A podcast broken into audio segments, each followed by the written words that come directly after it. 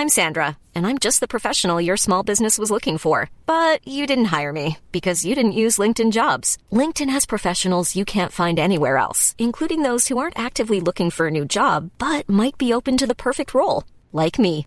In a given month, over 70% of LinkedIn users don't visit other leading job sites. So if you're not looking on LinkedIn, you'll miss out on great candidates like Sandra. Start hiring professionals like a professional. Post your free job on linkedin.com/people today.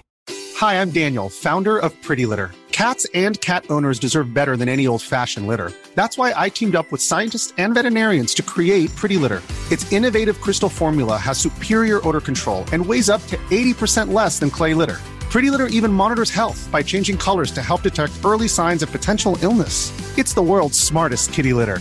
Go to prettylitter.com and use code ACAST for 20% off your first order and a free cat toy. Terms and conditions apply. See site for details. Vi är sponsrade av Länsförsäkringar. Det är vi. Eh, jag har ju ett eh, problem i livet och det är ju att jag eh, rent ekonomiskt är något av en fuck-up. Jag både tjänar för lite pengar och jag gör av med för mycket pengar. Och det finns ingen framförhållning, det finns inget sparande till mig själv, det finns ingen pensionsgrej som har ju så många eh, som lyssnar skulle sätta eh, kaffet i, i vrångstrupen. Eh, när de förstår Ja, de gör det nu. Ja, när de förstår hur illa ställt det faktiskt är. Däremot så har jag lovat mig själv att jag ska inte låta den här ekonomiska fuck-uppigheten, som jag kallar den, föras över på mina barn. Eh, this ends now, har jag sagt. Och drag, dragit ett streck i eh, marken Bra. med kolkrita.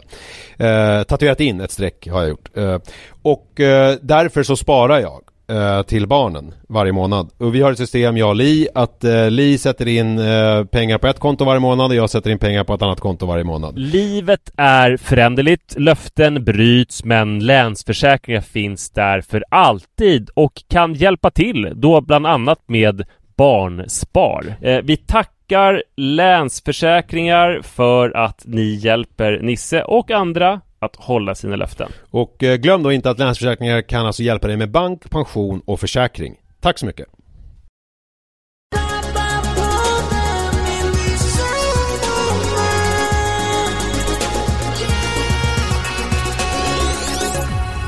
Hallå, varmt välkomna till Pappapodden. Det här är Nisse Edvall och du är Manne Forsberg. Gud vad fint och intimt, vilken härlig röst. Ja, jag heter Manne Forsberg, jag sitter i bilen. Det är nämligen så här, nu kommer ni rakt in i en eh, podd om föräldraskap. Det är söndag kväll och eh, Adrian har, jag tyckte redan i morse att han var lite O, i natt att han var lite orolig. Han sov oroligt, det var massa stök. Jag tyckte, liksom jag anade en lite, lite, lite förhöjd kroppstemperatur. Under dagen kunde vi inte hitta termometern för den är alltid borta någonstans. Eh, Har du kollat, har men, du kollat i eh, din egen rumpa, snuskjävel? Eh, där kan man hitta termometrar men inte de vi använder på honom. Nej.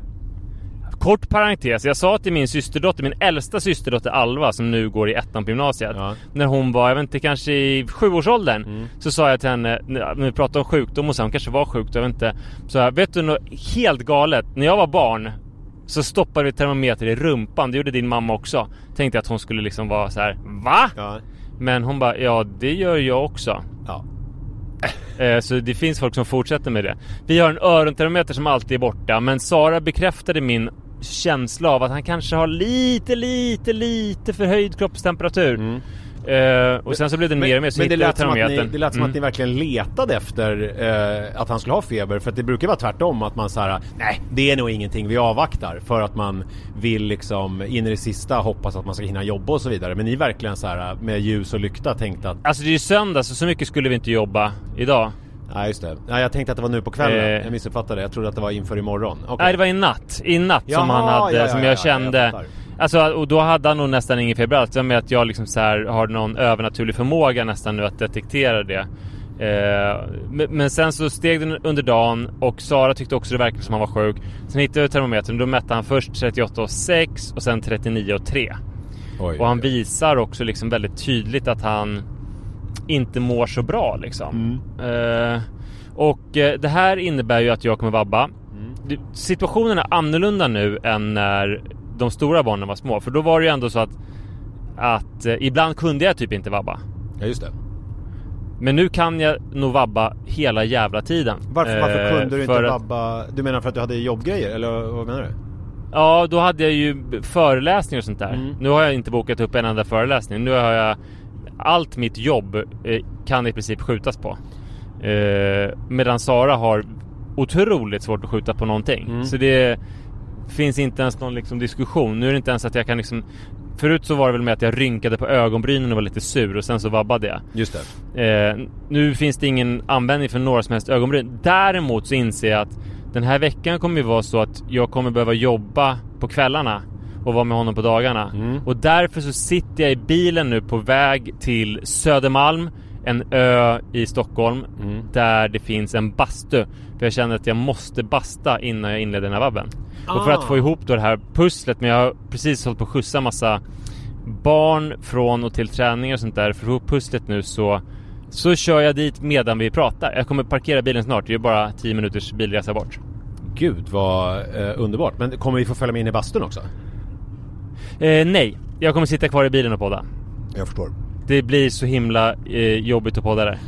Ja, du har- gjorde ju det en gång. Kommer du ihåg det när du poddade på landet? När du tänkte att du skulle klara av det för att det var inte så varmt. Men Just så var det så här det. 45 grader eller någonting och du... och du, och du ja, det var jättejobbigt. Ja, att det är så här, man Det tänker... fruktansvärt. För det är ju så här, man tänker att en bastu som är 45 grader, det är ju, gud det är ju typ kallt. Men allt är ju relativt. Alltså om man ska basta Mm. Verkligen. så är 45, minut, eh, 45 grader kallt. Men om man ska Om spela man ska in sitta och podd, snacka en timme. då är ja, 45 nej. minuter jättevarmt.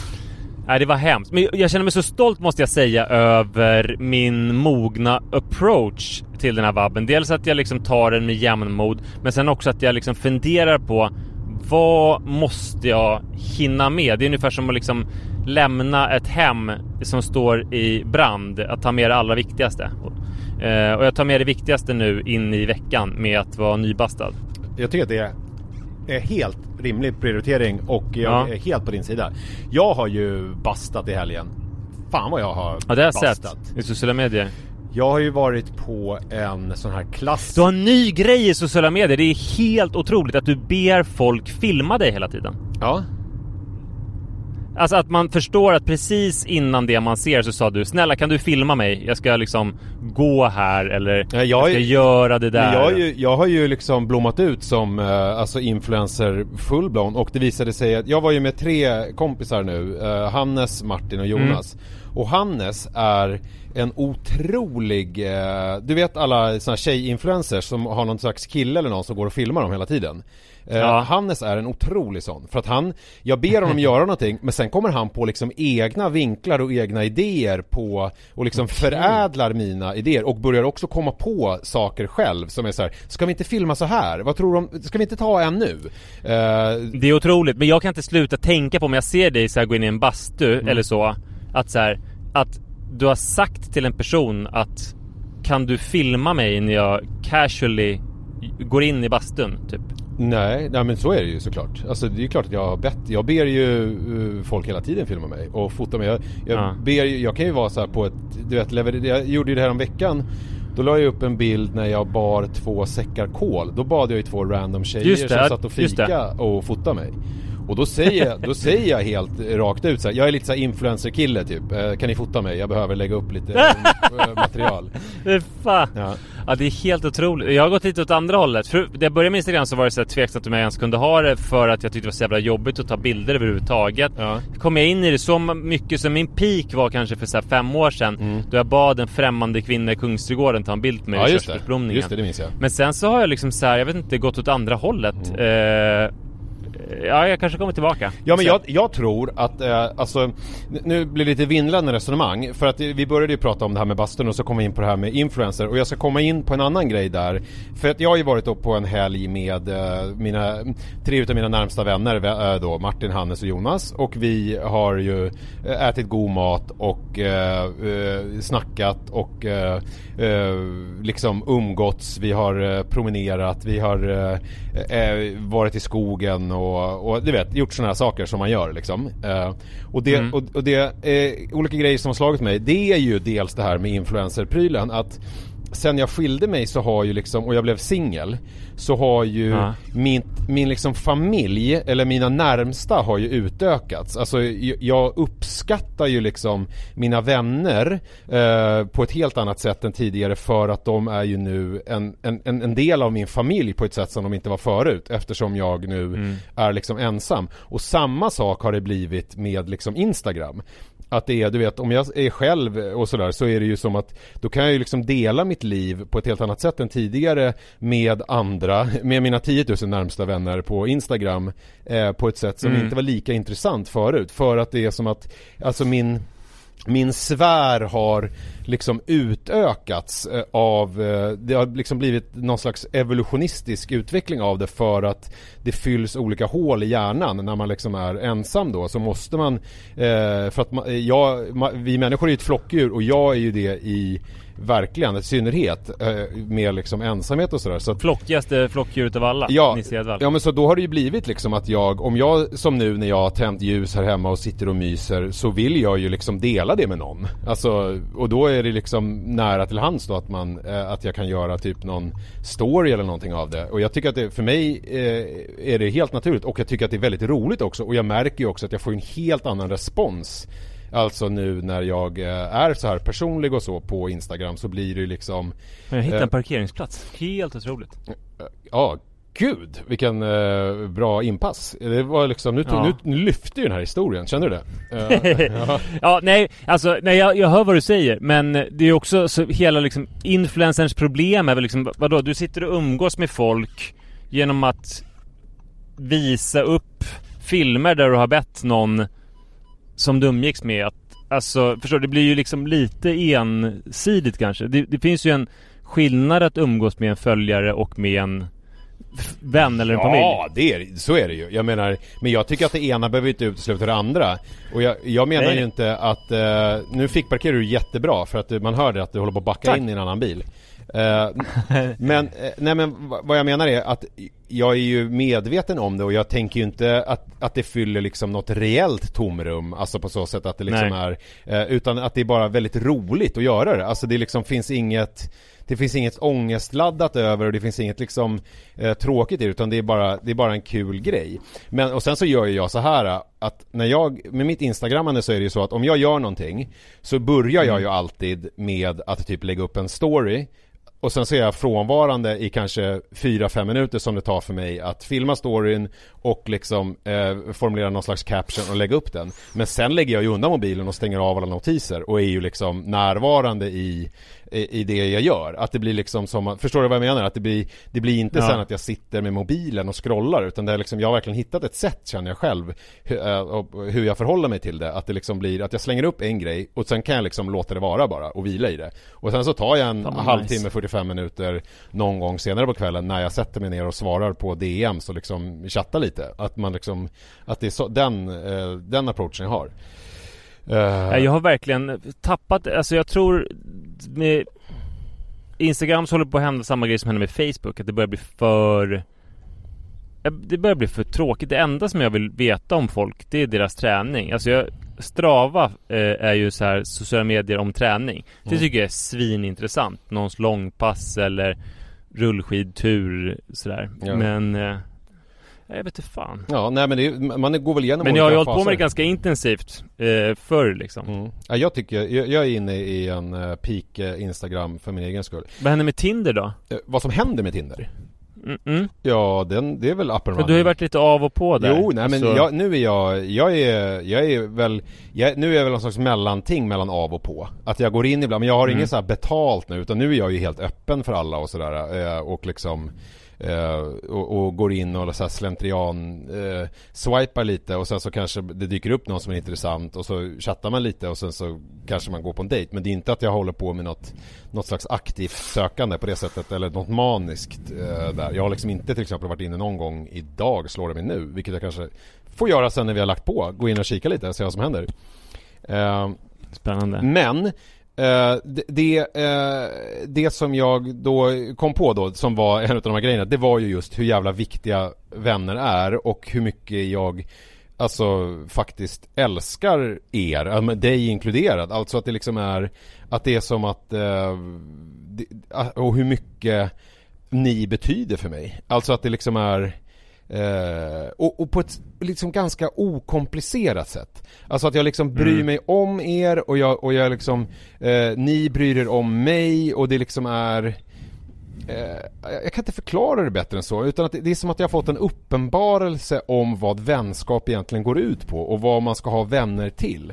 Alltså att det liksom är som att jag förstår det på ett annat sätt nu än vad jag gjort tidigare. Förut har liksom det varit det har inte varit oviktigt förut men det har mer varit som en så här Eh, gud, det här låter helt sjukt, men du vet så här, man går och spelar lite tennis eller man går och tar en öl med en kompis. Förstår du vad jag menar? Att det liksom mm. är så här, man bara träffas och catchar upp Tidsfördriv lite grann. Ja, ja men man träffas och catchar upp lite grann. Nu är det mycket mer som att det är så här, att jag är engagerad i mina vänner och liksom de är engagerade i mig och, och jag liksom ber om råd och allt sånt där. Alltså du vet, ja. att det liksom verkligen är, alltså lite den funktionen som eh, en, alltså en hustru har eller liksom en nära, en familjemedlem. Förstår du vad jag menar? Att det liksom ja, men det är ju ganska perfekt med, om man tänker liksom att det är folk som man är nära och bryr sig om men som man inte bor med. Mm. Och man har inte jättehöga förväntningar ändå, inte jättestora möjligheter att svika varandra. Nej, precis. Alltså, så att, så att eh, det, är ju, det är ju en lyxig typ av relation. Det är ju, du, du skit... Om man jämför med liksom barnrelation, relationen till sina barn är ändå rätt uttömmande eller relationen till en hustru eller relationen till föräldrar. Sånt där det tar ju ofta lite på krafterna. Ja men du till exempel blir ju inte förbannad om jag har bestämt mig för att tvätta men sen så bara äh, jag skiter i det, jag gör det imorgon istället. Det är ju inte som att du då Nej, tittar, det är inte som att du då tittar på mig med förebrående blick och tycker att så här, att jag borde ta tag i min skit och att jag liksom låter hemmet förfalla. Nej. Eh, och att jag liksom inte har dammsugit på eh, i, eh, i vardagsrummet på kanske tre veckor. Det är ju ingenting som du... Men det skulle, vet jag för sig, jag skulle inte eh, hålla det emot dig, men jag vet att det aldrig skulle hända eftersom du har den här intima relationen till dina följare nu och vill visa ett rent hem för dem. Ja, men jag har ju inte dammsugit vardagsrummet på tre veckor. Jag har blivit mycket mer såhär, Nej, du som du vet, går och plockar lite dammråttor i hörnen. Jag har blivit en sån. Och sen ja. så får jag lite feeling och typ såhär dammar en bokhylla. Du plockstädar, alltså det där är ju två olika läggningar. Alltså såhär min syster Moa, hon, hon har ju otroligt snyggt hemma men det är hon har insett att, man, att hon måste plocka och piffa liksom. Det är det hon gör, mm. typ som du. Mm. Men hon grovstädar inte. Medan Sara, hon är nästan som att hon tycker att det är något slags bedrägeri. Så hon börjar liksom inifrån och ut. Så att hon börjar med det svåraste och knöligaste liksom att dra ut så alla alla gömda skatter katter, typ så här barnens eh, garderob i hallen, bara ösa ut allting på golvet. Så måste hon liksom börja med det och sen typ grovstäda golven och sen kan hon komma till det sista piffet. Och det är ju, det är ju verkligen en läggningsfråga. För mig var ju det, har jag förstått i efterhand, intimt förknippat med mitt eh, psykiska mående. Alltså när jag var som värst med städningen, då var ju det en, eh, att jag försökte ha kontroll över någonting. Alltså att jag liksom, mm. att jag, att jag eh, eh försökte eh, hålla bort ångesten genom att liksom ha, vilket är så roligt då att jag liksom förklädde det i någon slags, att jag gav liksom tips om det här i podden, att man så hade sina städscheman och sådär och också att det ligger i linje med min personlighet att ändra mig så radikalt, att det är så här, att jag har en princip som jag följer tills jag inte följer den längre. Eh, det är lite som mm. eh, det ligger också i linje med din personlighet att tipsa om grejer. Ja, det gör det verkligen. Uh, det är lite som uh, huvudkaraktären i Peaky Blinders som jag nu har sett klart. Uh, jag kommer inte ihåg vad han heter nu bara för det, för jag har afasi. Men det vet han skådespelaren som spelar också i Oppenheimer. Cillian Murphy. Exakt. Cillian Murphy, hans karaktär, en gång så, då är det i ett avsnitt som han tillfälligt blir, måste samarbeta med en av sina värsta fiender. Och då säger den där värsta fienden, alltså en annan gangsterboss här Vad fan, du är ju ganska rolig Och då säger han så här Ja jag är rolig tills jag inte är det längre uh, Och lite, lite så är jag med principer Att jag håller jävligt mm. fast på dem tills jag inte gör det längre.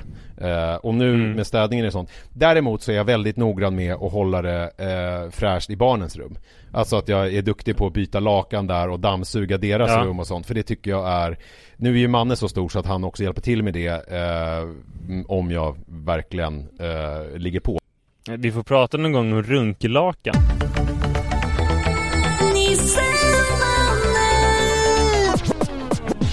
Ja, inte i podden. Eh, så eh, jag har ju... Ann Söderlund pratade väl en del om det, för att jag tror att varje liksom tonårskille har sin egen lösning. Jag känner ju att jag kommer ju Ut- prata nej, med Adrian om sin det och egen, kanske så här, sin egen, berätta om... sin egen utlösning.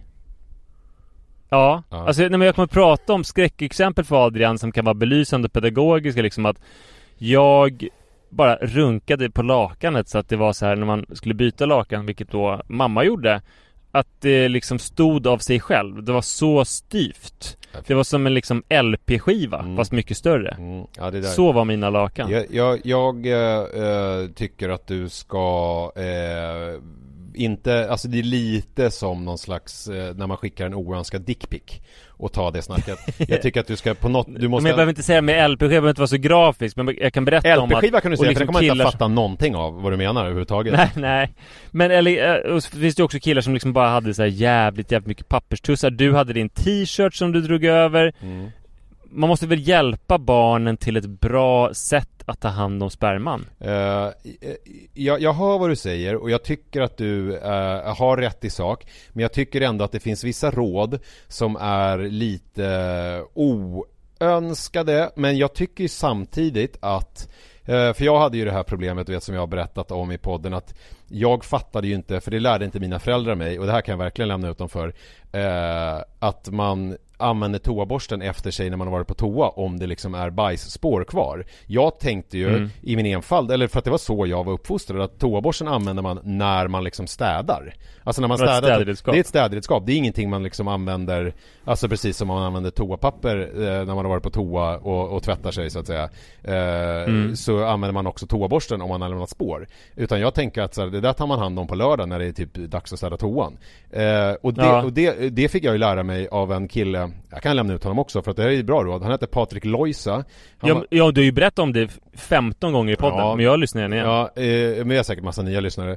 Han, det Mm. var ju han då, som var, han var två år äldre än jag eh, och eh, mer liksom om sig och kring sig och hade väl säkert eh, en eh, mamma, säger jag, för jag kommer ihåg han, hon var ganska städ, eh, nitisk städare, eh, som hade liksom uppfostrat honom på det där sättet och han lärde mig det, att så här gör man. Eh, Mm. Och eh, det är ju en läxa för livet. Det är ju på samma sätt som att du lärde mig att hålla in magen eh, för att få en bättre ja, och hållning. jag lärde mig av Robert Rosenblatt. Och det har jag lärt Manne. För Manne, min son, Ja. alltså, han har ju samma hållning som jag, alltså det vill säga lite ankröv och alltså lite Mm. svank i ryggen. Alltså det hade ju jag Mm. eh, när jag var tonåring, att det liksom var, och jag har ju lärt honom att eh, för det räcker inte med att säga sträcka på sig, för det fattar folk inte riktigt. Nej. Men däremot om man säger så här, spänn magen liksom.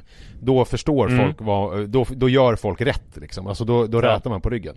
Så det har jag, eh, det har jag lärt honom. Men jag har ännu inte tagit te- runkpapperssnacket, det har jag inte. Nej, för jag tänker att, att det ska man göra, och så tänker jag så att kanske Torky och eh, papperskorg vid sängen. Och så tänker jag att man borde ha Alltså finns det inte en marknad för speciellt papper som heter Runky? Eh, Alltså för det finns ju Torky. jag är Att Torky kanske gör Runky Det, också. det har jag ju inte berättat, det måste jag ju berätta faktiskt. Det blir ju, det blir ju lite, jag är absolut inte sponsrad men det var ju faktiskt ett, kommer ihåg att jag eh, pratade om att jag eh, eh, tyckte att det var lite jobbigt med kladdet som blev när man haft sex, att jag var lite trött på sex, att det var så här mäckigt. Ja. Då hörde ju ett företag av sig Nu måste jag bara kolla vad de hette för det är kul för det var ju väldigt eh, gulligt och det var ju bra grejer Ett företag av sig som heter eh, Aima Sense Hörde av sig och Mhm. skickade eh, eh, liksom eh, efter sex wipes Okej. Som är lite mer liksom de är lite kraftigare än vanliga wipes och eh, har en väldigt bra absorberande förmåga och eh, att ta hand om liksom eh, efterbörden eller vad man ska säga. Så ju- de har, jag ser nu, jag går in här, de har också efter sexprodukter och tamponger och To Love Stark. Det enda som är liksom, det finns, det har ju någonting det här när killen ska vara chevaleresk och springa iväg efter papper. Först torkar han sig själv Mm. i badrum eller där den här toapappersrullen eller hushållspappersrullen står. Mm. Och sen så tar han massa papper och sen så torkar han lite på hennes mage. Mm, det är, det är Dels liksom, alltså delvis för att vara bara generös och snäll men också för att han har någon slags sexskam ändå att så här inte ska bli mina kroppsvätskor flyta omkring på henne liksom? Ja, jag vet inte. För mig är det inte förknippat med skam. För mig är det mer bara att man är eh, en gentleman och, eh, och inte tvingar liksom tjejen att eh, hålla på och eh, tvätta upp efter mig. Alltså det tycker jag ändå är ett rimligt, en rimlig grej att göra. Ja, ja men precis. Det, Ja. ja. men, eh, det, jag vill inte bli av med det. Men det är klart man kanske kan göra det med Aima Sens också då. Ja, ja, ja, det? Mm. ja, ja, gud ja. Det, det kan man Ja, men det ska liksom vara i ett annat rum. Det, där, jag är för runky Mm. i tonårsrummet precis vid sängen. Helst en sån här industriställning med liksom en pappersbal. Mm. Men däremot, när man har sex med en annan människa så vill jag inte att det ska vara för uttänkt. Jag vill inte att det där, de där wipesen ska vara vid stället som man har sex på utan att man ska behöva springa med fortfarande liksom halvstånd. Ja, nej. Det, för, det, ja. det, för det finns någonting i den, Jaha. hela den scenen Ja, nej. som inte får gå förlorad. Nej, jag tycker ju att det, att det verkligen kan Sandra, and I'm just the professional your small business was looking for. But you didn't hire me because you didn't use LinkedIn jobs. LinkedIn has professionals you can't find anywhere else, including those who aren't actively looking for a new job but might be open to the perfect role, like me. In a given month, over 70% of LinkedIn users don't visit other leading job sites. So if you're not looking on LinkedIn, you'll miss out on great candidates like Sandra. Start hiring professionals like a professional. Post your free job on linkedin.com/people today. Planning for your next trip? Elevate your travel style with Quince. Quince has all the jet setting essentials you'll want for your next getaway, like European linen, premium luggage options, buttery soft Italian leather bags, and so much more. And is all priced at 50 to 80% less than similar brands. Plus, Quince only works with factories that use safe and ethical manufacturing practices. Pack your bags with high-quality essentials you'll be wearing for vacations to come with Quince. Go to quince.com slash pack for free shipping and 365-day returns. ligga bredvid sängen, eller ligga ansluten till sängen. Men Ja. däremot så är det ju så att, att som vuxen så var det ju mycket mer att man eh, runkade på rummet. N- Eller som barn menar jag, eller som tonåring. Eh, Mm. som vuxen så är det ju, sköter ju, i alla fall jag det där mycket mer på toaletten. Eh, att jag liksom inte är eh, i eh, möblerade rum, utan det, det, det Ja, jag, jag hatar, hatar toaletten. Jaha. Alltså jag tycker eh, sängar och mjuka möbler. Nej, jag är, jag är eh, toalettperson. Och jag har också Vad är det för podd egentligen? porrpodden, nej brunkpodden. Det är en pappapodd. Ja. Pappapodd. Ja, jag är ju också... Ja, det handlar ju om Adrian nu och Manne och så småningom Nej, men- Jojo också. Eller så småningom, jag menar Det kan ju vara så här- Mer snart än Adrian. Det kan ju vara så här att du bara råkar sätta på det här avsnittet. Att du gör en notering om det här avsnittet och sen så säger du åt Mm. Adrian att lyssna på det här avsnittet någon gång. Att det här kan ju vara ett sånt avsnitt som vi kan ha. Ja. Eh, och så slipper man ta snacket utan vi tar det här. Då skulle jag vilja lära eh, alla mina söner och andra att det som jag gör nu för tiden det är ju att jag eh, Jag tycker att det är jobbigt att eh, sköta det i toaletten för jag tycker att det är lite långt och det kan bli att det kommer på lite fel ställen och så vidare. Eh, Annars skulle det vara ganska smidigt om toaletten var högre upp så att man bara kunde liksom göra sig av med det och spola ner det Så att då körde jag ganska mycket i handfatet eh, och då blev det ju ganska kladdigt men nu har jag kommit på att jag lägger ut eh, toapapper liksom i handfatet och sen så när jag är färdig är så bara, så, när jag är färdig så bara viker jag ihop det och eh, lägger i toaletten och spolar och sen så fortsätter jag med mitt liv som om ingenting har hänt. I vilken ålder upptäckte du det här då? Jag- Att fulländade sådär manövern? 43 års åldern typ. Fan jag längtar till de insikter som jag kommer komma fram till i 43-årsåldern. Ja. Eh, det- Jag kom på idag med min lillebrorsa, vi var ute och körde rullskidor tillsammans. Mm. Det är jävla mysigt att ha, nu har vi gjort det två söndagar i rad. Runka, ha- runka på rullskidor med brorsan. Mm, exakt. Mm. Att ha en några timmar med sin brorsa. Nu känns det ju nästan som en återkommande tradition efter två veckor. Men det vi bestämde var att när jag fyller 50 Ja. så ska vi åka rullskidor från eh, Treriksröset till Smygehuk, alltså hela Sverige. Varför när du fyller 50? Varför måste ni För att så jag länge? tror Eh, nej men för, ja dels För så att det är kommer sån jag väl vara... icke-utmanande grej så att det är bra att göra när du har fyllt 50 för att nu, nu är det liksom Nu är det som piece of Det- cake Det skulle knappt Det, kännas det är 240 mil så Mm. det beror på hur lång tid man tar på sig men det är ganska utmanande men tanken med det är att det finns såna här eh, grejer som kommer vara coola resten av livet sen att ha gjort. Och att jag tror att sådana där grejer, man, man är på sin topp som 50-åring, på där längre grejer. Men ganska snabbt efter det, alltså det är väldigt skillnad tror jag för de flesta på att vara 50 och att vara 58 liksom. Ja. Eh, så att jag tror att man firar att man är, alltså om man gör en sån utmaning 240 mil rullskidor på ganska kort tid så firar man att man är på höjden av någon slags förmåga som är väldigt hastigt övergående då. För att många 50-åringar skulle fixa det men typ väldigt få 60-åringar tror jag. Jag tror det bara. Nu kanske någon 59-åring som lyssnar och känner sig verkligen på topp av sin förmåga. Men jag tror att det det ger liksom mycket bang for the buck. Nu som 40-åring så är jag liksom bortskämd med att verkligen kunna göra allt och att jag har ändå ett tag kvar. Men om tio år, då ska jag göra de här bucket list-grejerna, fysiska saker som jag kanske inte kommer kunna göra sen. Tänker jag mig. Ja men det, jag tycker ändå att det är, jag måste ändå säga att jag tycker, jag, jag, eller så här, jag vill inte liksom pissa på din parad och så vidare. Jag tycker det verkar asroligt men jag tycker att det där är någonting som ni kan göra lite tidigare. För att jag, var, om fem, när du är 50, vem fan vet vad du är då i livet? Om det här är någonting som ni tänker på nu när ni åker rullskidor, då tycker jag att det är någonting ni ska Så förverkliga. det. eh, eh, förverkliga det så fort som möjligt. Så att det liksom är... Ja men det är lite fint att ha liksom något som man ska göra tillsammans med sin bror som 10 år och också så här det är en 50-årsfest som passar mig väldigt bra. Då kommer man ju ha en följehusbil. Mm. Alltså jag är inspirerad av några som gjorde det här precis, som väl är typ kanske 7-8 år äldre än jag. Ehm, då har man ju en följehusbil också med eh, en support, ett supportteam som hjälper en liksom. Det är det finaste jag kan tänka mig. Jag, jag, jag tänkte fråga dig. Eh, om jag, jag kan köra husbilen ja. Ja, precis. Alltså om jag, om jag liksom kan köra då, jag är ju 53 men jag kanske inte ens har någon liksom Jag, jag, kanske Nej, måste lämna in körkortet, alltså jag, jag vet inte Du kanske har runkat ihjäl dig. Ja, vi pratade om ålderism idag, eh, jag, Hannes, Martin och Jonas. Det väl i och för sig mest jag och Hannes som diskuterade. Jag och Hannes har en förmåga att lite grann eh, gå i clinch med varandra. Det, eh, första kvällen var det till exempel, jag har ju oftast två typer av kvällar, sådana här tillställningar. Eh, det, Mm. eh, det, det som jag älskar med att vara med mina nära vänner eh, sådär, det är att jag eh, känner att jag kan hålla käften. Alltså att jag, Mm. jag älskar ju att prata, det är inte det, men att jag liksom kan Eh, jag det finns inga krav på att jag ska vara spirituell och trevlig och smart och sådär utan jag kan sitta och hålla käften och vara i ett hörn Mm. och mer bara liksom betrakta.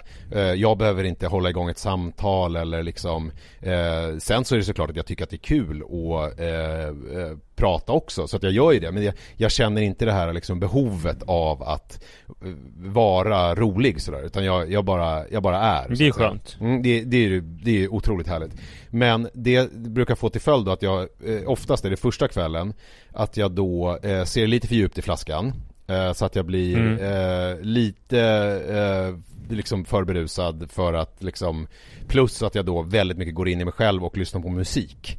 Eh, vilket Mm. ju är, kan vara Alltså det finns ju, det är en balansgång mellan att vara så här skönt att få vara sig själv och hålla käften till att så här att jag är helt asocial och bara sitter och lyssnar på musik och blundar och har kepsen neddragen och ingen får röra spellistan för att jag har, jag sitter eh, för mig själv och njuter av musik i liksom andra sällskap. Alltså det, det, det finns, jag, jag känner där att jag kan ibland gå över en gräns liksom. Och då blev det en liten konflikt mellan mig och Hannes för att han är också en person som gärna vill styra musiken.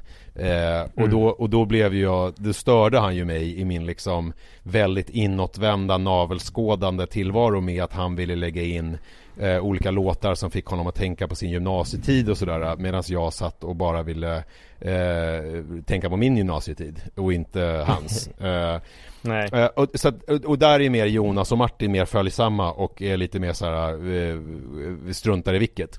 Eh, och idag så eh, blev det också så att jag och Hannes eh, hade en lite animerad diskussion om ålderism. För vi kom in på det, du vet man pratar om de här eh, amerikanska eh, politikerna. Vi har ju både Joe Biden och sen så har vi han den här senatorn som kom av sig och stod och stirrade blint och verkar nästan ha en demensdiagnos. Eh, jag vet inte om du följde den grejen. Det var väl för några, Nej. Ja, nej men det var, det var, blev ett sånt här, jag kommer inte ihåg vad han heter nu men han det blev något sånt här viralt klipp att han fick en fråga och sen så blev han sådär uh, tom som liksom dementa blir. Du vet tom i blicken mm. och bara stirrar tomt framför sig och, uh, och är väl i, inte vet jag, 85-årsåldern liksom.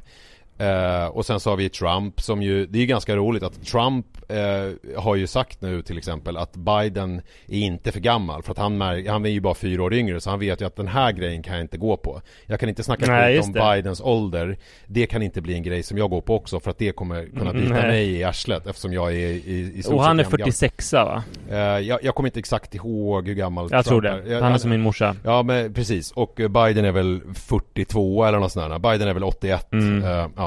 Mm. Eh, så att, eh, eh, och då kom vi in på det här med ålderism och då tyckte jag att Hannes hade ett ganska omoget resonemang om att man ska steppa tillbaka när man eh, uppnår en viss ålder. Och det tycker jag är som, eh, då är man ganska eh, liksom då har man inte så mycket empati för då liksom frågade jag honom så här, om du är 80 Dels så finns det forskning som visar det, jag har skrivit i min bok Livet efter 40, en gratis plugg, ingen spons. Livet efter 40, en guide för män, finns att köpa eh, och lyssna på på alla ljudboksställen.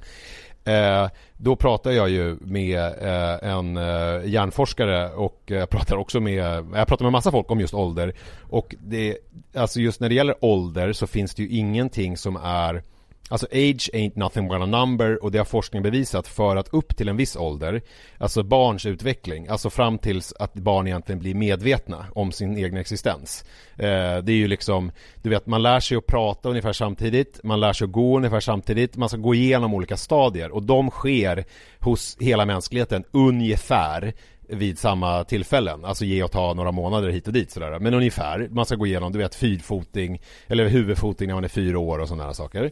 Mm. Eh, men efter det så finns det ingenting eh, liksom som är förutbestämt med ens åldrande. Det vill säga, du kan vara 60 och i stort sett liksom invalid och dement, men du kan vara 90 och springa maratonlopp. Det, det, är liksom, mm. det beror på genetik och hur man har levt och sådana där saker. Så därför så är ju kan man inte säga generellt att man ska stå tillbaka vid en viss ålder och det hävdar jag med en fas för att jag tänker själv på mitt eget liv alltså om, om någon kommer och säger till mig om jag sätter mig in i att om jag är som jag är nu för att det som mitt liv hittills har lärt mig är att jag är inte annorlunda nu än när jag var liksom 17, 18, 19 Alltså rent på, på många plan liksom.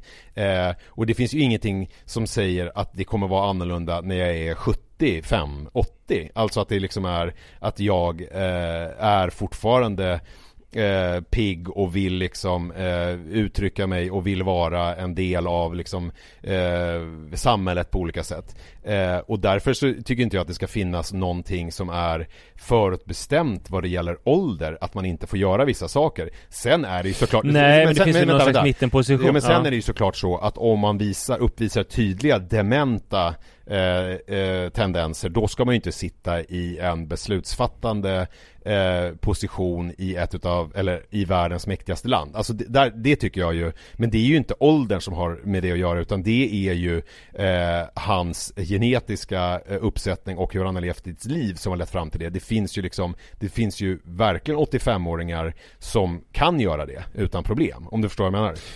Jo, jag vet, men det finns ju två saker där dock som måste tas upp. Dels så kan man ju tänka sig så här, ja men det finns, det måste bero på individens förmåga och då finns det någon 93-åring som kan vara liksom en otrolig, otrolig president. Eh, visst, men problemet här är att det verkar vara en sån otrolig liksom maktkoncentration bland folk som är gamla och man ändå vill sträva efter någon slags åldersspridning som inte verkar kanske finnas i USA. M mer i, i, Sverige och där är det väl snarare brist på gamlingar i politiken. Men sen en annan grej det är att eh, att om man sätter en person som är över 80 år på att regera i fyra år så är ju det en Alltså statistiskt sett så kan det hända jävligt mycket skit med den eh, 80-åringens hälsa under de här kommande så, fyra åren. Så är det och då tycker jag alltså, Så det är jätteriskabelt. Ja, då tycker jag så här att, att man har Om man har en 80-åring som verkar pigg och fräsch Alltså och som är liksom villig att regera världens mäktigaste land Eh, då tycker jag att det ska finnas kanske klausuler som gör att då måste den personen eh, genomgå eh, kopiösa läkarkontroller där man provar allting eh, med ett visst tidsintervall så att man säkerställer att personen i fråga är vid sina sinnesfulla bruk och vill och, och liksom eh, kunnig nog, eller jag vet inte vilket ord jag söker här, jag tappade det. Alltså eh, att leda världens mäktigaste land med tillgång till atomvapen och sådär. Eh, det har jag inga problem med alls. Alltså att man, det är väl någon sån lag att man måste kolla, efter en viss ålder så måste man kolla eh, saker mer ofta, mer frekvent för att få kvar sitt körkort och sånt där till exempel. Ja, just det. Eh, och det tycker jag väl att det är, det, det tycker jag är helt rimligt. Däremot så tycker inte jag att man generellt kan säga att är man över 80 så kan man inte vara president. Uh, nu är ju det här exemplet liksom verkligen draget till sin spets. Alltså eftersom president är ju, det är väldigt få som blir presidenter. Jag menar mer liksom generellt att det finns liksom en ganska naiv bild att man blir jätteannorlunda bara för att man blir gammal. Uh, och det vet ju jag hur jag resonerade när jag var 20. Det har jag dragit i podden, du vet när, när Martin, en av de här killarna då, när han var ihop med en tjej som var 28 när vi var 21 och vi tyckte hon var så gammal så att vi kallade henne för 28 och jag har ju också berättat om när jag var 13 och de här töntiga killarna på fritidsgården som var 18 som då jag tyckte var liksom så gamla så att, det, att de var från en annan planet och de hade körkort. Och jag tyckte, jag blev, det slog mig äh, att eh, en insikt i att jag är, jag, det kommer inte finnas bilar på samma sätt när jag fyller 18 som det finns nu. Och jag blev liksom, alltså, för att man har en sån naiv bild av eh, hur det kommer vara när man blir äldre och att man har en bild av att man själv kommer vara någon helt annan. Men så funkar det ju inte. Alltså man är ju, man är ju samma person.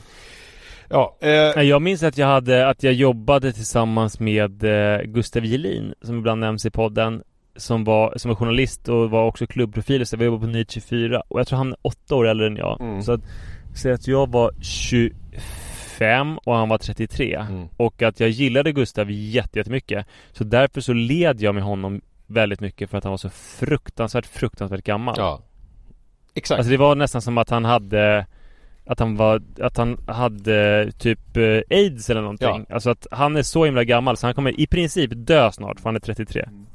Ja, men det... Han är en bra kille i övrigt men han är extremt gammal. Och det är exakt det där jag menar. Att det liksom är, mm. och då tycker jag att som varande 43-åring så kan jag liksom eh, tänka på ett annat sätt kring åldrande än vad jag kunde när jag var eh, 25. För att jag vet mm. att det har inte hänt jättemycket med mig hittills och då kommer det nog inte hända så mycket i de nästa 10-15 åren heller. 20, 30, 40 utan det kommer nog eh, det kommer nog vara så här. Alltså det här är nog det jag har att jobba med. Jag kommer ja, Du vet ju vad som kommer hända om 10 år. Då ska du fan hålla dig vaken på en jättelång Nej du får ju sova också men du ska köra väldigt, väldigt mycket husvagn. Eller husbil. Ja, det, det, det ser jag fram emot jättemycket. Eh, mm. Får jag också säga eh, en sak som slog mig. Eh, två, jag vill säga två saker till om den här helgen. Eh, jag vill... Mm. Först så vill jag säga en grej som jag tror vi kan hålla lite kort. Uh, och sen så det sista får vi avsluta med. Det första jag vill säga är att jag kom på, eftersom jag är otroligt snabbtänkt, men det här tycker ju också Hannes då, han håller inte riktigt med om att det var jag som kom på det här. Men eftersom det här är min podcast och han absolut inte är här och kan försvara sig så kan jag säga att det var jag som kom på det.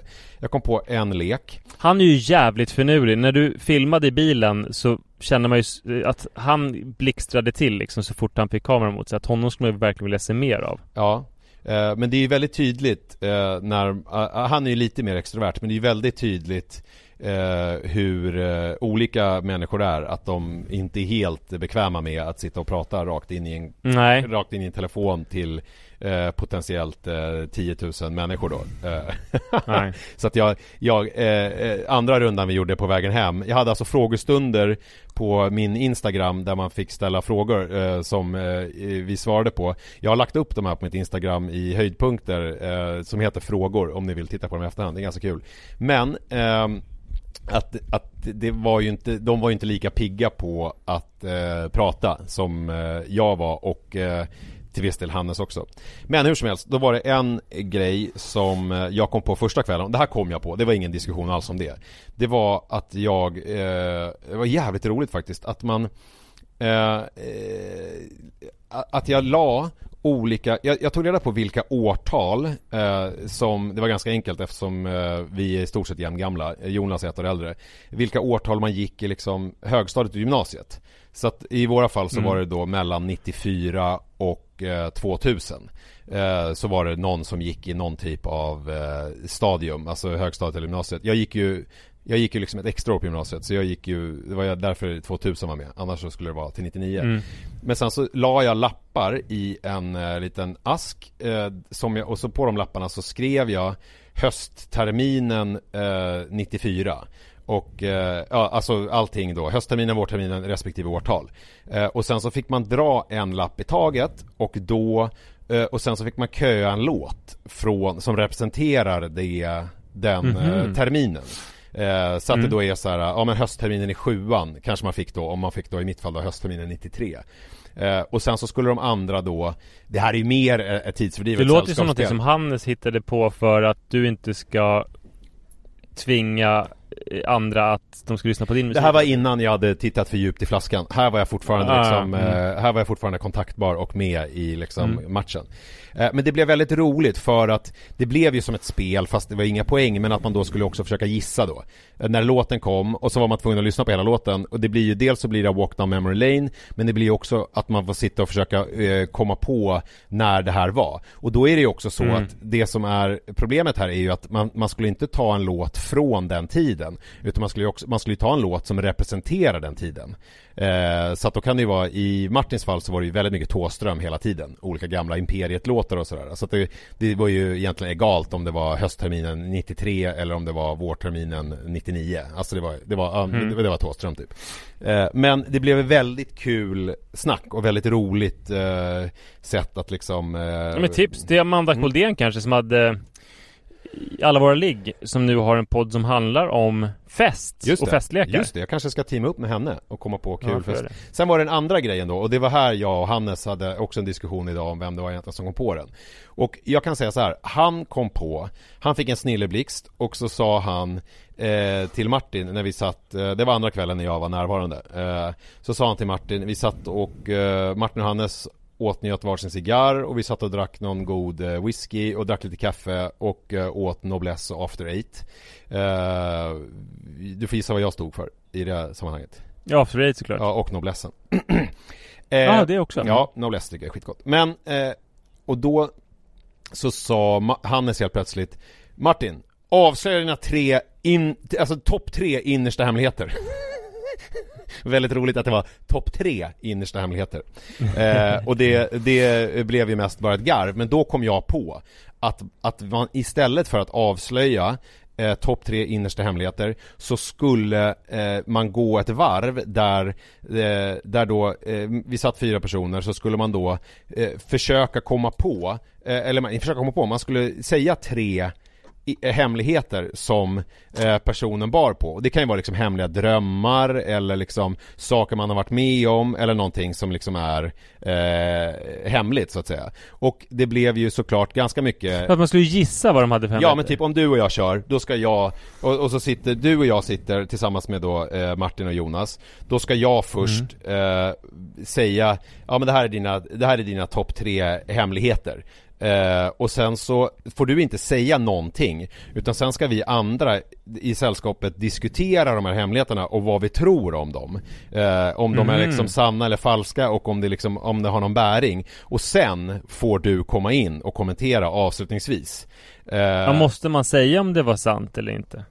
Nej, alltså det, det, det, finns ju inga krav här. Och det är ju också så att det här kräver ju att det är Att man är väldigt nära vänner och att man liksom är trygga Att man är ett väldigt, väldigt Men kan du ge något exempel på? Ja, eh, jag kan, Jonas sa till mig till exempel att eh, eh, Att jag inte trodde att min mamma var min riktiga mamma Uh, uh, och sen så sa han också att men det, men det var ju mer som han hittade på då för skojs skull än att han nej, trodde han att nej, det nej, nej, nej, nej, han hade ett långt resonemang om det Alltså liksom Och sen så också att jag är besviken på mina föräldrar att de inte ställde mer krav på mig i vad det gäller idrott Att jag liksom skulle liksom uh, lyckas inom ja, men, någon sport ja, det...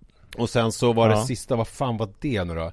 Nu har jag bort, Den var ju nu, intelligent, Nu, tycker nu har jag. glömt bort den sista, men och då var det så här, och Mm. sen satt de och diskuterade de där och då var det ju Alltså den, den, den andra var ju, alltså den där med krav, det var ju verkligen spot on Alltså det är ju verkligen någonting som Ja. jag har funderat på och tänkt på Det blev också Nu eh, råkar jag sätta på mitt eget larm här, förlåt. Eh, Jag vet, det är någonting med mig och den här bilen. Eh, Ja, fortsätt. Nej men det var också en, det var, det blev också upphov till väldigt roligt snack. Eh, Mm. liksom. Min, eh, en av mina eh, hemligheter om Martin till exempel, Martin är ju skallig. Det var ju att han rakade av sig håret egentligen bara för att han ville verka distingerad och äldre och är lillgammal. Att han egentligen har ett jättefrodigt Att han hårsvall. har fullt hår. Ja, precis. Ja.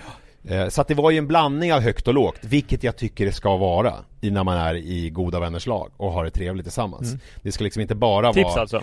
Det var tips. Och jag kommer inte hinna den där andra grejen, jag får ta den nästa vecka. För att eh, nu ska du basta och jag eh, ska eh, faktiskt, eh, eh, jag hann inte jag hann inte fylla diskmaskinen innan jag åkte i fredags. Så att jag måste ta tag i köket, känner jag. Ja, Mm. det låter bra. Mm. Hörni, tack snälla för att ni lyssnade. Vi hörs om en vecka. Det gör vi, ha det bra! Hej då! Hej då! Planning for your next trip? Elevate your travel style with Quince. Quince has all the jet setting essentials you'll want for your next getaway, like European linen, premium luggage options, buttery soft Italian leather bags, and so much more. And is all priced at 50 to 80% less than similar brands. Plus, Quince only works with factories that use safe and ethical manufacturing practices.